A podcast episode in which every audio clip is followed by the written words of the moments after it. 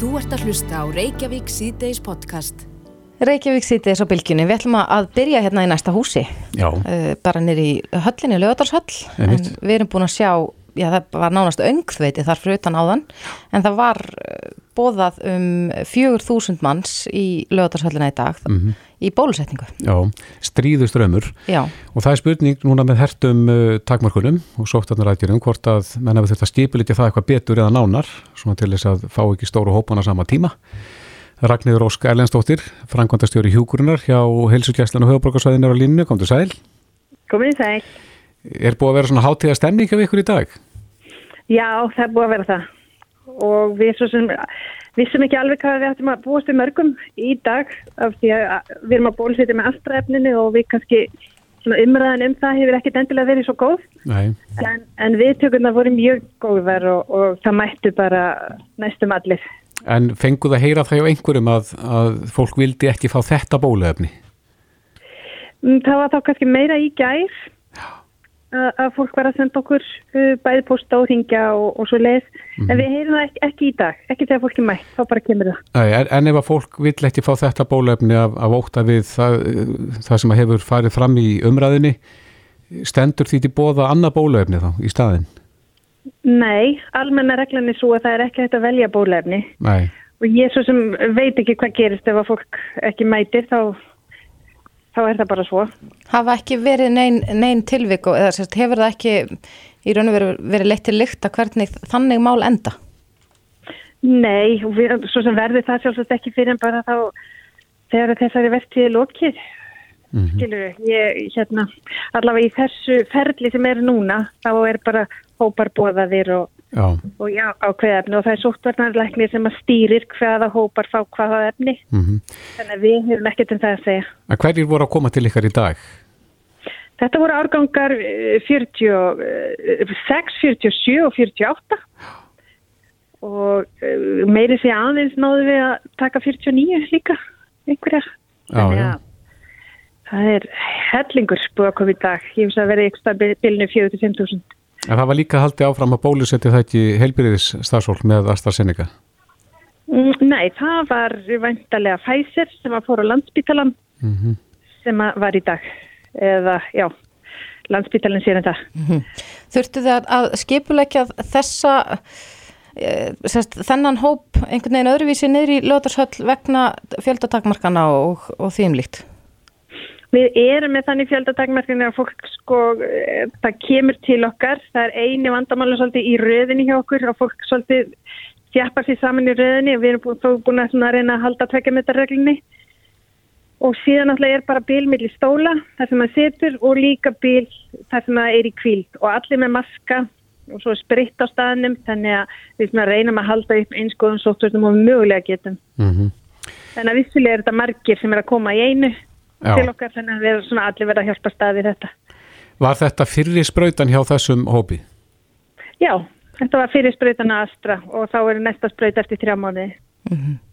Það er nú mikið rætt um þessa dagana varðandi sko bóluefni og, og tengsl okkar við ESB eða þá samningar sem við höfum gert. Uh, ert þú ánað með svona framvinduna í bólusetningamálum? Ég hef svo sem ekkert um það að segja, skiljið. Við erum bara framkvæmdaræðili, helsugeslan út um all land og við bara tökum þeim skömmtum fagnandi sem við fáum en hefum svo sem ekkert um það að segja hvað koma margir. En ef við myndum fá eitthvað, eitthvað aukalegt, það hefur nú verið talað um að við séum í einhverjum viðræðum við eh, rússa um að, taka spútnik bóluefnið, við gætum tekið á móti tölvert fleirum er það ekki í bólusetningu eh, niður lögadarsöll. Já, já, og við myndum taka spútnik fagnandi bara, það er ekkert mál. Myndum bara, og við gætum alveg tekið fleiri og við gætum þá þess vegna þá opna fleiri hús Mm og það er aldrei, aldrei vandamál hjá okkur. En voru þetta hvað sér 4.000 manns í dag? Allavega, ég held að það séu ríflega. Það er eitthvað starf á bylunu 45. Hver, hver er getan? Hva, hvað er hægt að bólusetja marga á einum degi? Ég myndi segja í svona húsi eins og lögadarshallinni með þessu skipulagi væri það svona cirka 5.000. Mm Eh, Svo er þetta með þá að, að setja upp svona fleiri svona maskinur. Við erum, þetta er orðið svona dálítið góð maskina og svo er það þá bara að fjölga þeim maskinum. Mm Var, var léttur andi í fólki? Var þetta svona léttir að vera að fá sprautun á lóksins? Já, það er það og svona yfirleitt og svona það er svona gleði og stemming og fólk að hittast jáfnvel og svona þekkist og það er allir glæðir. Já, þetta er náttúrulega árgangarnir að hittast þarna, hálfgett bettjamót. Já, það er svona veifa svona yfir salin og svona. Já, akkurat. Já, það er gott að heyra. Ragnir Óskar Lendsdóttir, framkvæmdastjóri hjúgrunar hjá Helsugjastlun á Hauðborgarsvæðinu. Takk fyrir þetta og góða helgi. Já, takk sem ég leiðis. Þú ert að hlusta á Reykjavík C-Days podcast. Láreglann á Hauðborgarsvæðinu held blaðamannu fundi í dag og það voru gleðileg tíðindi því að það voru vatnastil í rannsókn á morðun í Rauðagerði. Já, það sem að hjáttning líku fyrir. Akkurat, þetta er náttúrulega óbáslega óhugnulegt mál og, og alltaf þegar morður er framinn hér á landi, landi þá já, fylgist þjóðin með, við veitum það. Akkurat. En það er svona ímislega sem að kom fram á þessum blaðmannuhundi sem að færma til þess að, að staldra eins við og uh, hugsa hvað löguröglu yfirvöld hér eru öflug. Mm -hmm. e, til dæmis það að morðvopnið hafi fundist án þess að bent hafi verið á það. Það hérna þykir manni svona til vittnisum hversu öflug rannsóknarvinnan er. Já, það kom fram á fundinum að skotvopni, þetta var 22 kalibera skambi sem er hljótið fannst í sjónum við höfuborgarsvæðið núna í mars. Mm -hmm. eh, Margir Sveinsson, yfir lauruglu þjótt hjá lauruglunni á höfuborgarsvæðinu er á línunni, kom til sæl. Kom til sæl. Eh, getur þið sagt okkur það, hvernig, hvernig menn fór að því að finna vopnið? Já, það var meðalans vegna bara innsægi lauruglumanna svona, ef við að segja, löggur nefið okkur eða leitt okkur að vopninu það var bara yfirheyslum sem að menn lásu uh, sábúninga og svo bara þeim aðfyrir sem við beitum og eins og ég kom inn á hefum verið að beita í, í varandi með uh, hérna svona hópa, skipulega hópa er tengjast aðalega á píkniðadamálum Já, og voru farsímakokk sem að hjálpuðu til þar að, við að finna vopnið? Nei, það var nú ekki þannig. Það var, eh, var hansi fágögg þannig sem að, að aðstóku við það. En nú fannst vopnið í sjó. Eh, þetta nú ansi, ég veit ekki hvort að menn þurfa að vera tölvöld hefnir til þess að ramba á rétta staðin þegar að vopnið er í sjó. Já, við, við fórum hérna og það var nú svolítið leitt skerð á þeim stað sem að vopnið var og, og við, við fengum aðstóð frá sérsveit ríkislaurugstöður að þar og það var, leitin var svona í góðan tíma áður en að vopni fannst en, en, en svæði sem að, sem að við töldum vopni vera, það var rétt. Mm -hmm. Þetta er gríðarlega umfangsmikil rannsókn. Hefur þú staðið að slíkri rannsókn áður, Margir? Ekki svona umfangsmikil rannsókn eins og þessari. Eh, svona þessu toga, nei. En það heyrðist af upptalningun á sagbortningum uh, og þjóðirni þeirra uh, hefur það tafi fyrir þar að segja að það hljóta vantar að þurfa að vera tólkar fyrir hvert tungumál? Já, það hefur nú gert okkur svolítið erfitt fyrir að við erum með aðeila þannig frá mörgum löndum og við erum tólk fyrir hvern aðeila sem að við erum tólk náttúrulega og það hefur flægt svolítið málið fyrir okkur af því að við, svo, í þessu þegar, þegar svona er þegar við erum alltaf að tala í, við þá í gegnum annan aðila það er svona náu minni svona sambandi við sábúninga mm -hmm. þannig að það gerur okkur eftir fyrir Hafa önnur mál þurft að setja á hakanum vegna þessar rannsóknar? Já, það er svo sem alveg þurft og, og, og eins og ég kom inn á þá bara verðum við að forgansraða eftir því sem að, að þau mál sem eru hérna hjá okkur og, og það bytnar bara á þeim málu sem við getum ekki farið í. Nei. En svona stóru atriðin virðast að vera leist og þá sérstaklega með þessari hjáttningu, en, en hvað stendur út af borðinu þá? Það sem að er hjá okkur núna, við erum að, við, eins og kom fram að við, eru, við teljum þetta tengjast þarna einhver brot, teim brotahófum og við svona erum á tannu með það hvort að þetta hafi ykkur afleðingar mm -hmm.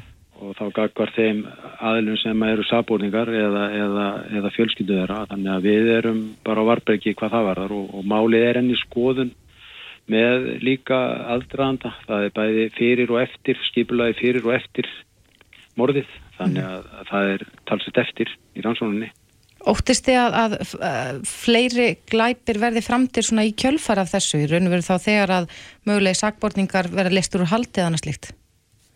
Sko það eru nú all flestir lausir úr haldi og, og hérna og við, þetta er bara með þær upplýsingar sem við höfum að þá, þá, þá er þetta mögulegi að þetta geti gerst og þess vegna viljum við vera á Varbergi með það og, og, og hérna fylgjast vel með.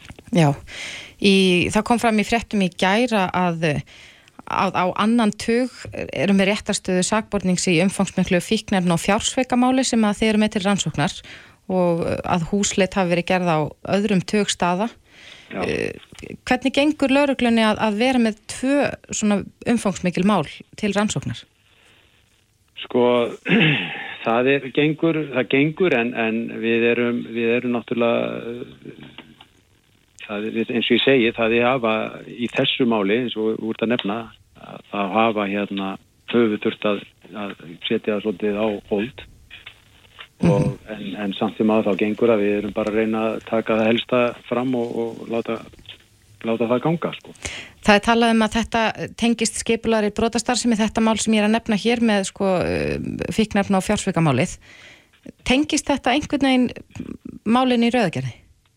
Nei, ekki á nokkur nátt og máli sem að þú ert að vitna í það hefur verið til rannsvorna hjá okkur í, í all langan tíma nokkra mánuði þannig að við erum í rauninni svona eins og við segjum sprengjaða eða svona taka síðusta snúningir á því. Já, látið til skara skriða núna. Látið til skara skriða núna eftir, mm. eftir langa, langa rannsók. Þannig að við höfum svo sem svolítið svona möguleika í því máli. Já, en aðeins varandi rauðagerðismálið, eh, er talið að eh, skotmaðurinn sem að hefur við kjent verknaðin að hann hafi stipulagt þetta eða, eða einhver annar hafi pantaðin í verkið? Nei, við teljum það nú ekki vera. Við teljum hann uh, eiga þátt í skiplagu á samt öðrum og það er það sem við erum að skoða og við viljum svona aðeins vera staldra við. Já, en svona málið leista stæstum hluta þá, vantarlega? Já, þessum hluta var það sem gerist þannig bruta rauðagerði. Já, svona alvarlegast í hlutin. Svona alvarlegast í hlutin en svo er hluteild annara af málunum sem við erum að skoða. Mm -hmm. Það hefur oft verið rætt um manneklu innan lauruglunar. Hefðir þú, ég, þú, ég bara býst við að þú hefði nú ekki slegið hendina móti fleiri aðlum til þess að aðstofa við rannsókn á slíkum málum. Eh, hefur það eitthvað komið til tals að bæta við mannskap? Nei, ekki mér vitalega. Ég held að það sé nú frekar á hinn veginn. Ég man nú ekki til svona góðarinn enu hjá lauruglunni sérstaklega en, en jú, auðvitað hefði maður nú þegið meiri mannskap og, og bara gerir almennt í þessum málum sem við erum að fást við því að, að nógu vera að taka. Það eru hér ymsi brótahópar sem að stunda, stunda brótastarðsemi og, og, og það eru, þeir, þeir eru alveg vel á annan tug Já. sem er í því. Þannig að það vantar mannskap til þess að, að takla þau mál? Já, algjörlega og við komumst ekki til við það sem við með við komumst allan ekki að vinna í þeim málum sem við höfum búið með upplýsingar yfir. Nei, einmitt. En við segjum bara til hafmyggi með þennan áfanga í, í málinu, Margir Svensson, yfir lauruglu þjóttn hjá laurugluna á höfuborgarsvæðinu. Takk fyrir þetta og góða helgi. Takk sem leiðis. Hlustaðu hvena sem er á Reykjavík C-Days podcast. Reykjavík C-Days á bylginni. Eh, það stýttist í páska. Já. Dimbilvikan hefst núna á sunnudaginn, Já, á Palmasundag og margir sem hafa voru með viðamikil plön um ferðalög og slíkt. Já, maður hefur heyrst af, af já, þó nokkrum sem ætlaði að skella sér í sólina eða mögulega á skýði. Já. Íslandingur orðni ferðarþyrstir, við vitum það og það voru einhverju sem ætlaði allavega að, að svala þessari þörfnunum páskana. En það er spurning hvort að þessar hertu takmarkanir og, og svona staðan sem hefur komið upp hérna innanlands hafa einhver áhrif á þessi áform. Já, á línunni er Þráinn Viffússon, frangotastjóri Víta. Sæl? Já, komið sæl. Já, hvernig staðinu ykkur? Eru margir íslendingar sem að áttu bókað þar út í sólina eða eitthvað annað? Já, við erum með þrjárferðir í sólina núna þetta ári sem er náttúrulega miklu minna eldur en í vennilega ári. Já. En við erum með tværferðir til Tenerife, annin fór í morgun og hinn fyrir í fyrramáli og svo erum við með eina til Alicante sem er líka í fyrramáli. Mm -hmm. En hvað með annars konar ferðir sem eru ekki sólina? Er mikið um, um svona skipulaðar ferðir núna yfir páskana? Nei, þetta er einu ferðina sem við erum með. Mm -hmm. en, en þú talar um að þetta sé tölvöld minna en í venjulegu árferði. Ef, ef við berum saman kannski fyrir tveimur árum síðan, hvað eru við að tala um mikinn mun? Já, það er alveg allavega fimmfaldur munur. Þetta er svona kannski, hvort þetta náði 20% af því sem hefur verið, það var fyrir tveimur árum. Mm -hmm. En eh, hefur eitthvað verið um afbókanir svona í ljósi stöðunar hérna innanlands eh, síðan að, eh, ég er unnverið síðan að það, það var allt öllu skellt í lás hér, hér á Íslandi? Já, það hafa verið sko, þetta eru búin að vera með þess að ferðir lengi í sölu og, og þetta var nú fullbóka, svo hafa verið afbókanir og aðri komið í staðin. Þannig að, þannig að það eru vel bókar sem eru að fara í lofti, þannig, en, en þetta er svona bæði að afbókast og bókast aftur. Við vorum með bygglista og, og svona þannig að tölum við að fólk sem að er á honum ef að, ef að þetta ekkur út. Já, þá er aðri snöggir inn í staðin. En, en, hvern, en hvernig staðan á þessum stöðum sem þið eruð að fljúa með fólk til? Er, er, er all þjónusta í lægi og allt opið? Já, þetta er náttúrulega allt öðruvísi eins og til dæmis að tennir í það heldur en í vendilega árferði. Það er svona kannski um 30% af hótelunum og, og, rest, og veitingastöðum og fólki á staðnum eins og þetta meða við það sem að var í hitti þeirra mm -hmm.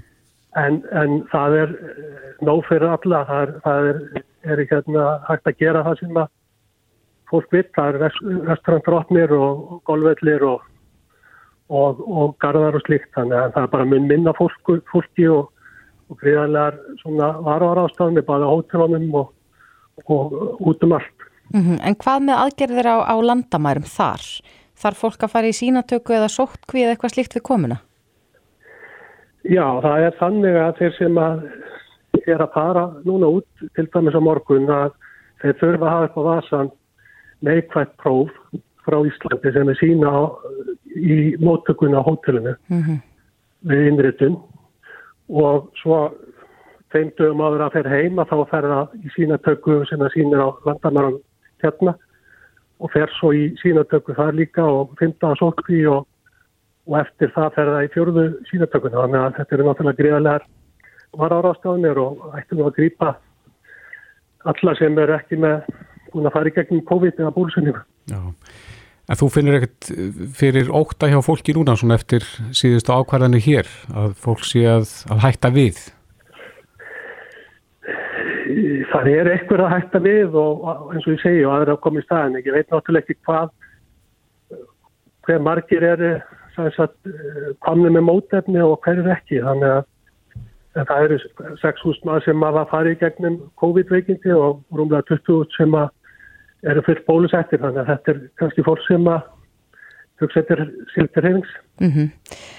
En uh, þráin við vitum það eins og ég saði kannski upphafið að, að Íslandingar orðin mjög ferða þyrstir og við sjáum fyrir okkur allavega að, að það verði búið að bólusetja mjög marga hérna um mitt ár og, og það sama á við um löndin í kring.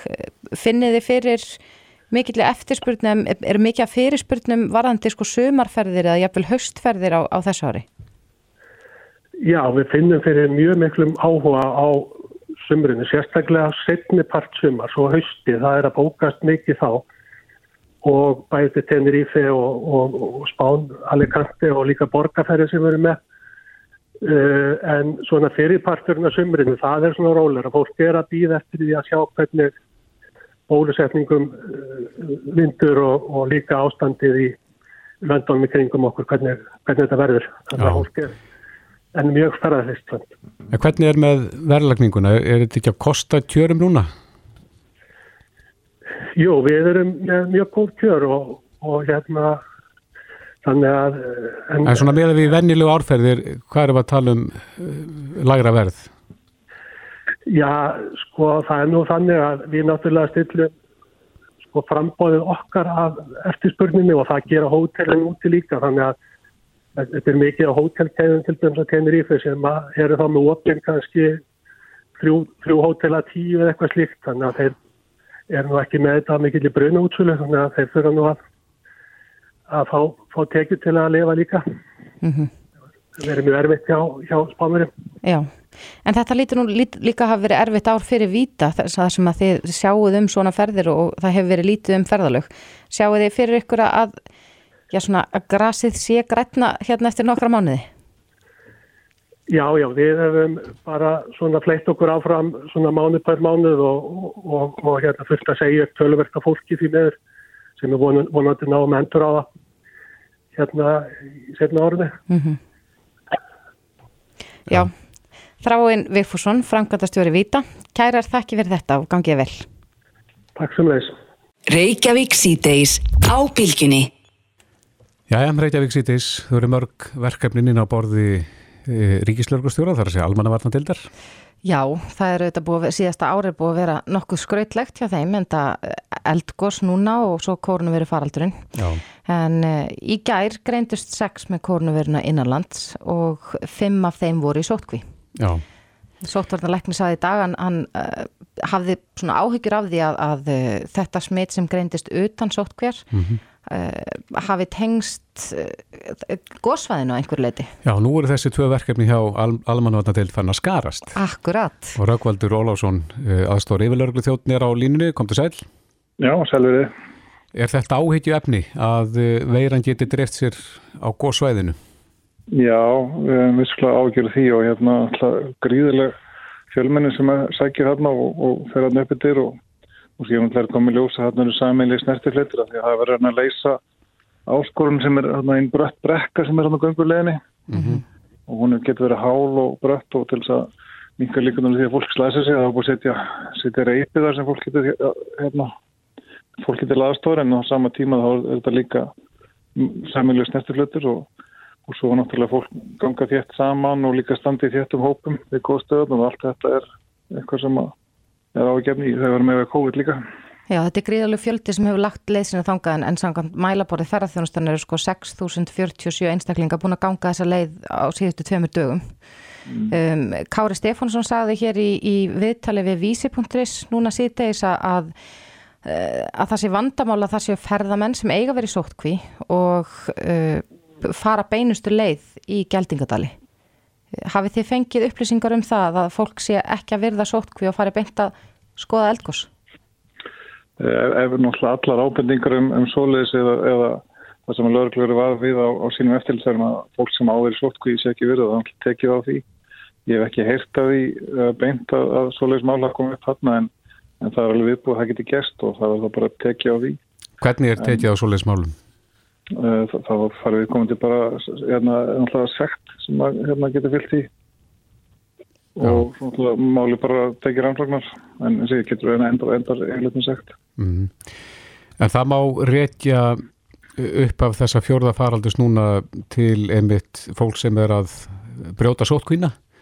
Þa, þarf að herða enn betur á eftirlitinu með þessu, þar er að sjá til þess að fólk fari beint á sína staði Já, það verist þeirra og hérna og þetta er það sem verður að skoða núna með því að herða reglurnar að, að, að fólk hérna, sérst, eh, sem er að koma á landamærinu er frá rauðum svæðum að, að það fari bara í sérstatt sóttarna hús meðan það er að klára sína sótkví Já, hvað er það málstatt? það er bara allt í vinslu og við erum vantilega dettin núna bara á, á næstunni. Mm -hmm. Ef uppmyndi koma smitt í tengslum við góðsvæðið að, að þar er fjölmenni og, og það er einhver dreifing á veirinu, telur líklegt að svæðin er, er þér hennilega lokað? Þá er kannski flott annað í stöðun en að gera það.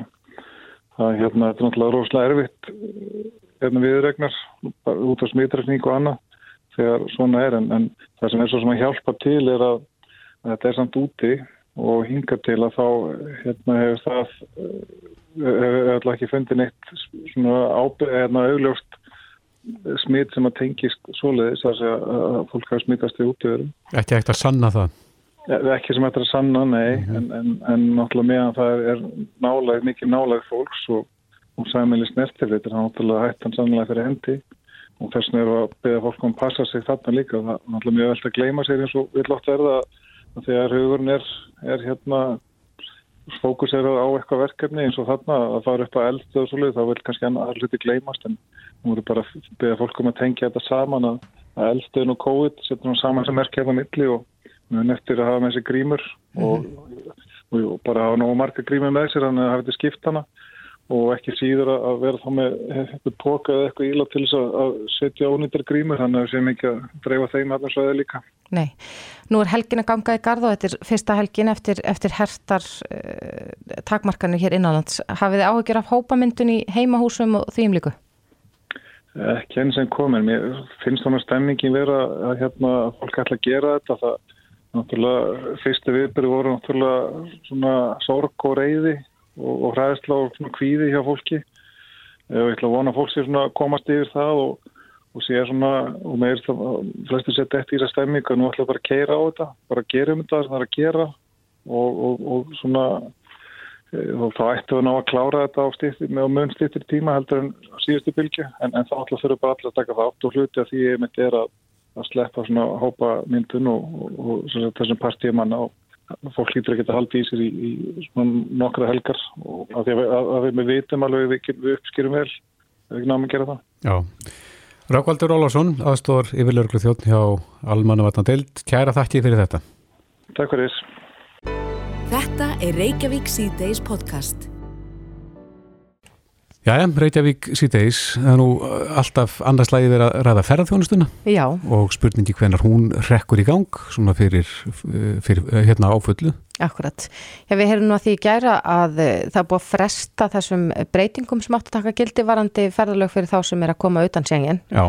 En svona í ljósi þessa að nú er svona fjór, fjórðabilgjan mögulega skell á en, en skollin á, jável. Mögulega skollin á, já. já. Eh, þá var ákveðið allavega eh, að fresta þessu Já, um einhver tíma. Akkurat. En við sjáum það hér á vefsíðinni turisti.ri sem er nú oft með já, svona ítarlegar fréttir af, af ferðamálum mm -hmm. að eh, Delta Airlines ætlar að hefja daglegt flug millir Íslands og þryggja borga í bandreikunum frá með fyrsta mæ. Daglegt flug? Já, já. Þannig að þetta er, þetta er hansi stórt og við veitum að það hefur verið lítið um flug til og frá bandaríkinum, sko, hinga til lands. Kristján Sigurðansson, eigandi og rittstjóri turisti.is er á línu, kom til sæl. Sælveriði. Já, hvað þýðir þetta fyrir íslensku ferðarþjónustuna og ég tala nú ekki um Æsland er?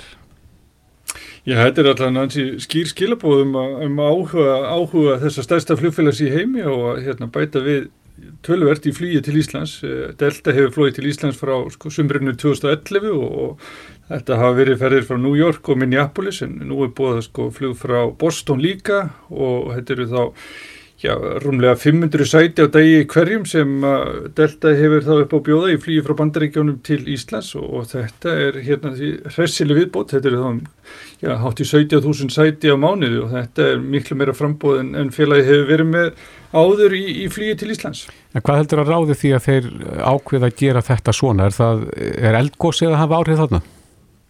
Nei, þeir segja það nú bara í, í tilkynningu að þetta sé beinleginni snúið að því að Ísland hafi verið ákveðið að, að taka móti bólusettum ferðamönnum utan senginsvæðisins og, og það hafi ráðið þessari ákvörðin.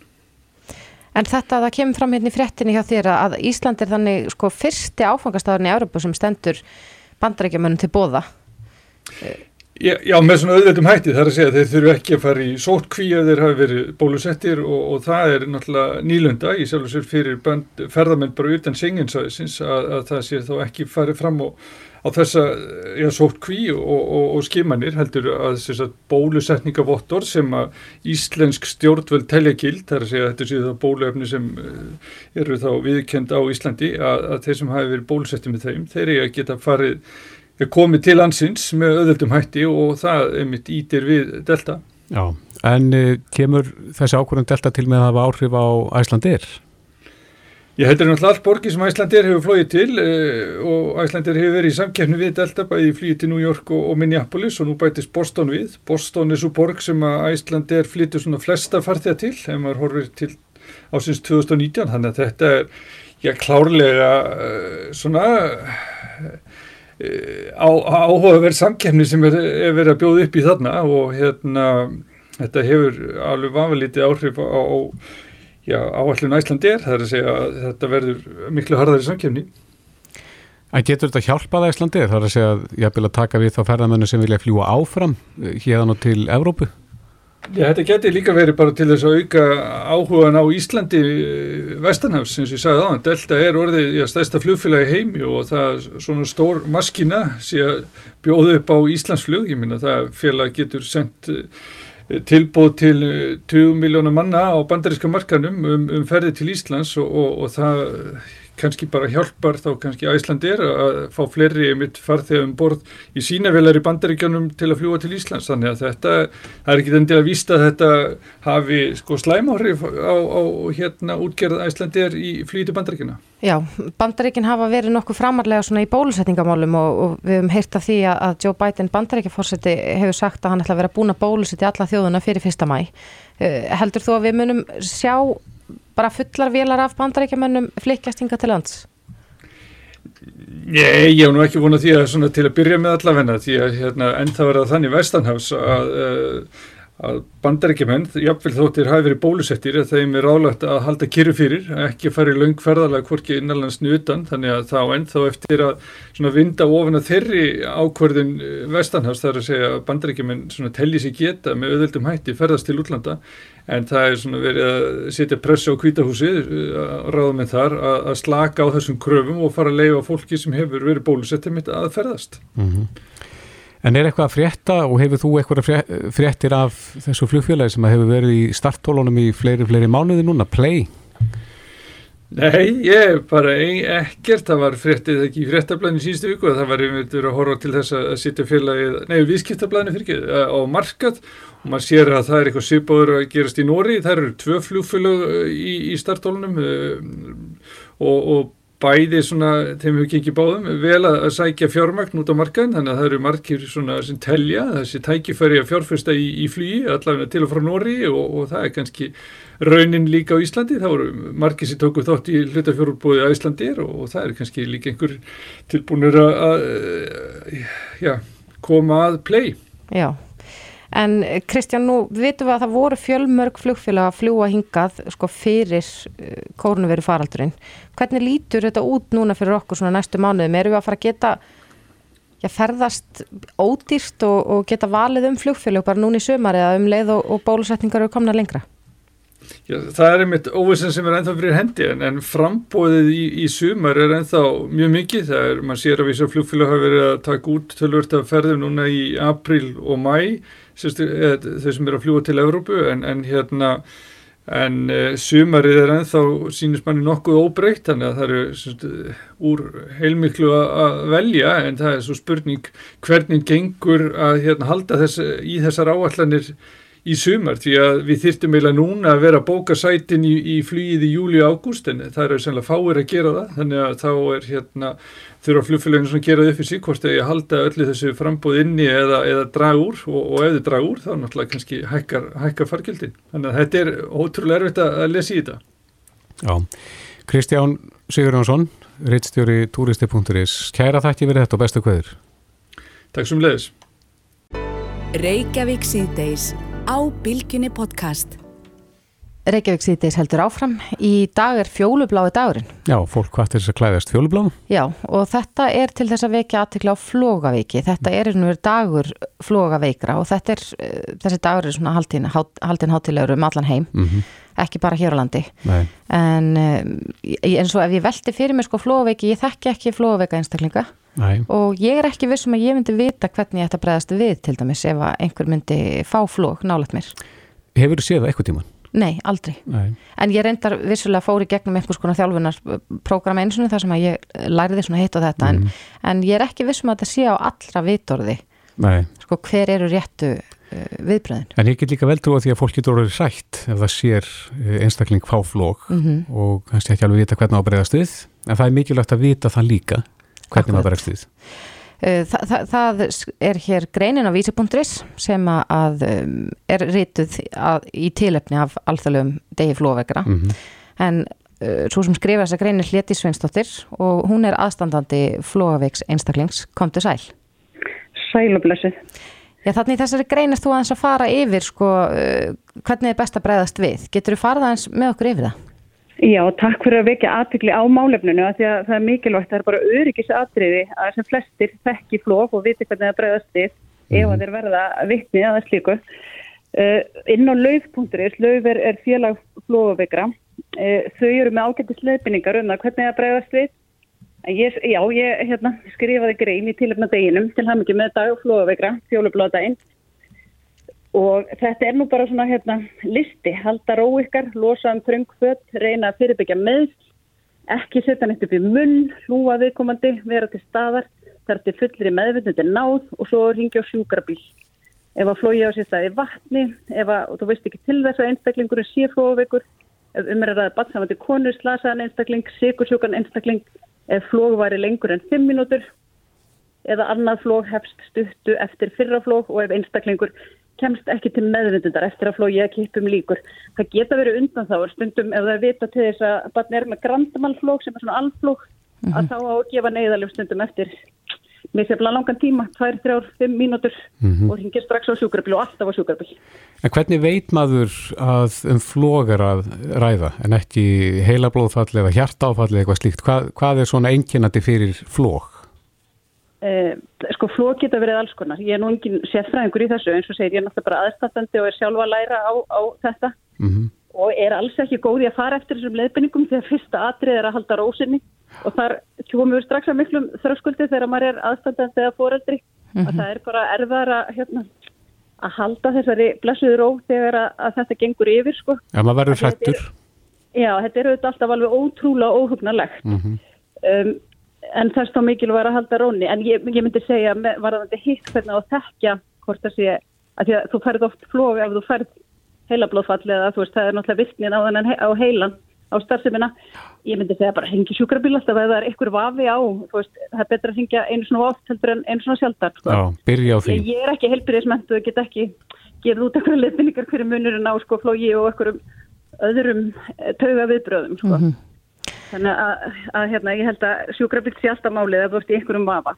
Akkurat. En, en oft er þetta, þetta er náttúrulega þessi kipir, það er þetta meðvindalesi, það er hérna, oft veit líka fólk sjálft, fullorðið fólk veit af því og getur gert viðvart veist, ég er að detti fló núna og mm -hmm. þá er mhm. gott að munna þessi atriðir sem ég taldi upp hérna ofan og er inn á lögpunturis Já, en Hlétis, heldur þú að skilningur á, á, á þessu sé nægilega mikil meðal almennings? Að fólk sé nægilega sko, vel upplýst um hvernig það eigi að bregðast við? Ég held að það sé alltaf gott að rifja, bara eins og fyrsta hjálp og allt þetta. Að bara alltaf gott að minna og þess vegna eru þessi dagar til að vekja aðtikli á þessum tiltekna sjúkdómi mm -hmm. og viðbröðum við honum.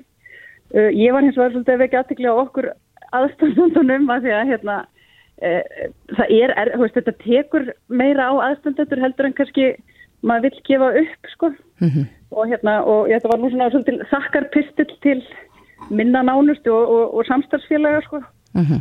ef að, ef að hérna þegar þetta kemur upp og það er maður alveg heil lengi að ná upp einhverju rútínu og aðlilum svefni og svona sem getur haft einhver áhrif á, á svona, þú veist líkamlegt atgerfi og andlegt í einhverja dag og eftir sko. Já.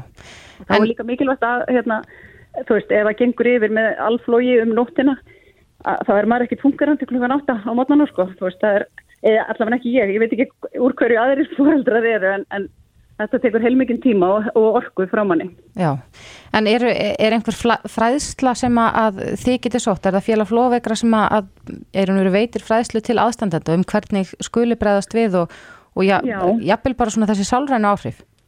Það er sko fjölskyldur ágjafi sem er hægt að leita til og svo eru þetta lauf hluti af umhyggju þar sem er hægt að fá líka þjónustu hjá sálfræðing eða, eða öðrum sko. Mm -hmm. en, en aðalega bara þessi sko, þú veist, við þurfum á samfélaginu að halda til að skilja flóveiki og bregðast við, þú veist, eh, einstaklingarnir eru, þú veist, eins og nú fyrir barnið mitt bara út í samfélagið og þá því fleiri sem þekkja þetta og vita þeim eru örugar eruna því að þá getur fólk gripið inn í Uh, og, og svo er ég bara að byggja um þess, þetta auka klapp og baki til okkar aðstandenda sem að, veist, að því að þetta er þetta, þetta, þetta lýsir sér þannig að upplifunin er bara, ég líki þessu við að barnið mann sé að þetta fram að bjergsprung mm -hmm. en þú veist, maður er að lenda í rúturslesi um, á næturnar eða hvernig sem flógin koma og, og það tekur bara tíma, það tekur orku, það tekur það tekur á, þú veist, þannig að hérna, því meiri skilningu sem við fáum, því betra líka því betra líka Já, er þú í og það er, er maður svo þakklátur þegar, manni, þegar maður mætir þessum skilning, sko, hjá vinnuveitundum með öðrum, sko Einmitt. Rétt eins og lokin, Létis, erst þú í hjólubláð í dag? Ég, ég verið mér síma viðtali, já, já, ég er í fjólubláum. og við líka. Ég siti í fjólubláum stól, er það nóg? Það ætti að, vera, ertu ekki, ferði ekki meðan hvert sem þú ferð? En sko, fjólublái, sko, nú er maður bara heima að vinna, þannig að hvað sem er, ef ég væri í fjólublái þá myndi ég ekki geta, hérna, geta, hérna, makið að til gláði, þannig að, Nei, akkurat. hérna, þeir sem eru á meðal fólks, þessi eru örfáu sem Já. að njóta þeirra, ég hvet þá til þess að vera í fjólublái. Já, akkurat. Hlétís Sveinsdóttir, eh, gott að heyri þér og við hvernig fór til þess að kynna sér flogaveikina og svona réttu viðbröðum við, við henni. Kæra þakki fyrir þetta. Já, takk fyrir að við á Bilginni podcast.